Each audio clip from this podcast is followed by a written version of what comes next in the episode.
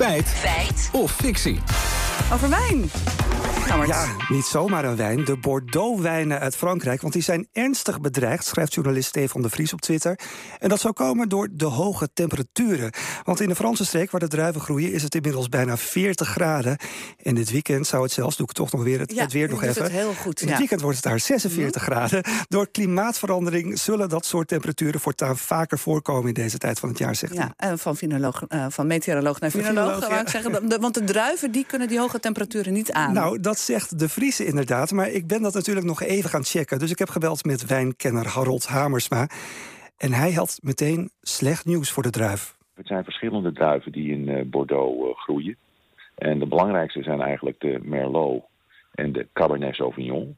En uh, dat zijn inderdaad van oorsprong druiven die niet zo op hitte gesteld zijn. Ja, en dat is heel problematisch, want de Bordeaux-wijn is uniek en sensationeel.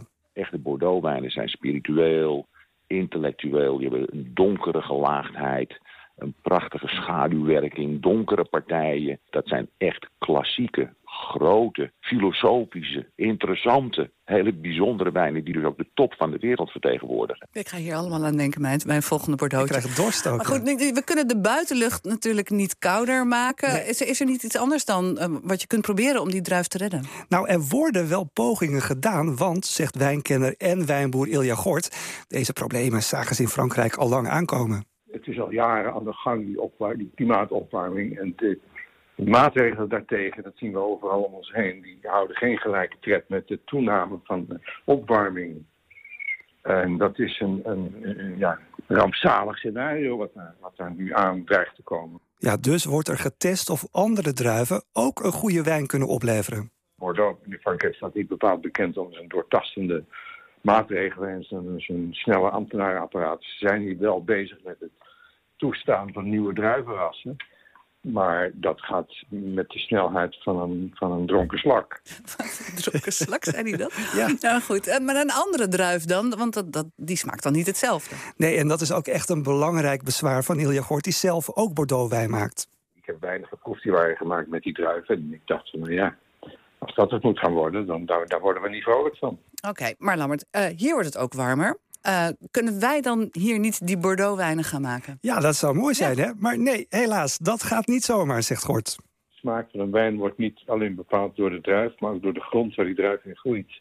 Uh, dus ja, in Nederland is het heel ander grond dan in Bordeaux. Ja, nu kun je ook de zogenaamde Bordeaux blends kopen. Die zijn gemaakt met dezelfde druiven die dan in een ander gebied mochten groeien, zoals in Chili. Maar ja, ook dat is niet hetzelfde als de echte Franse versie, zegt Hamersma.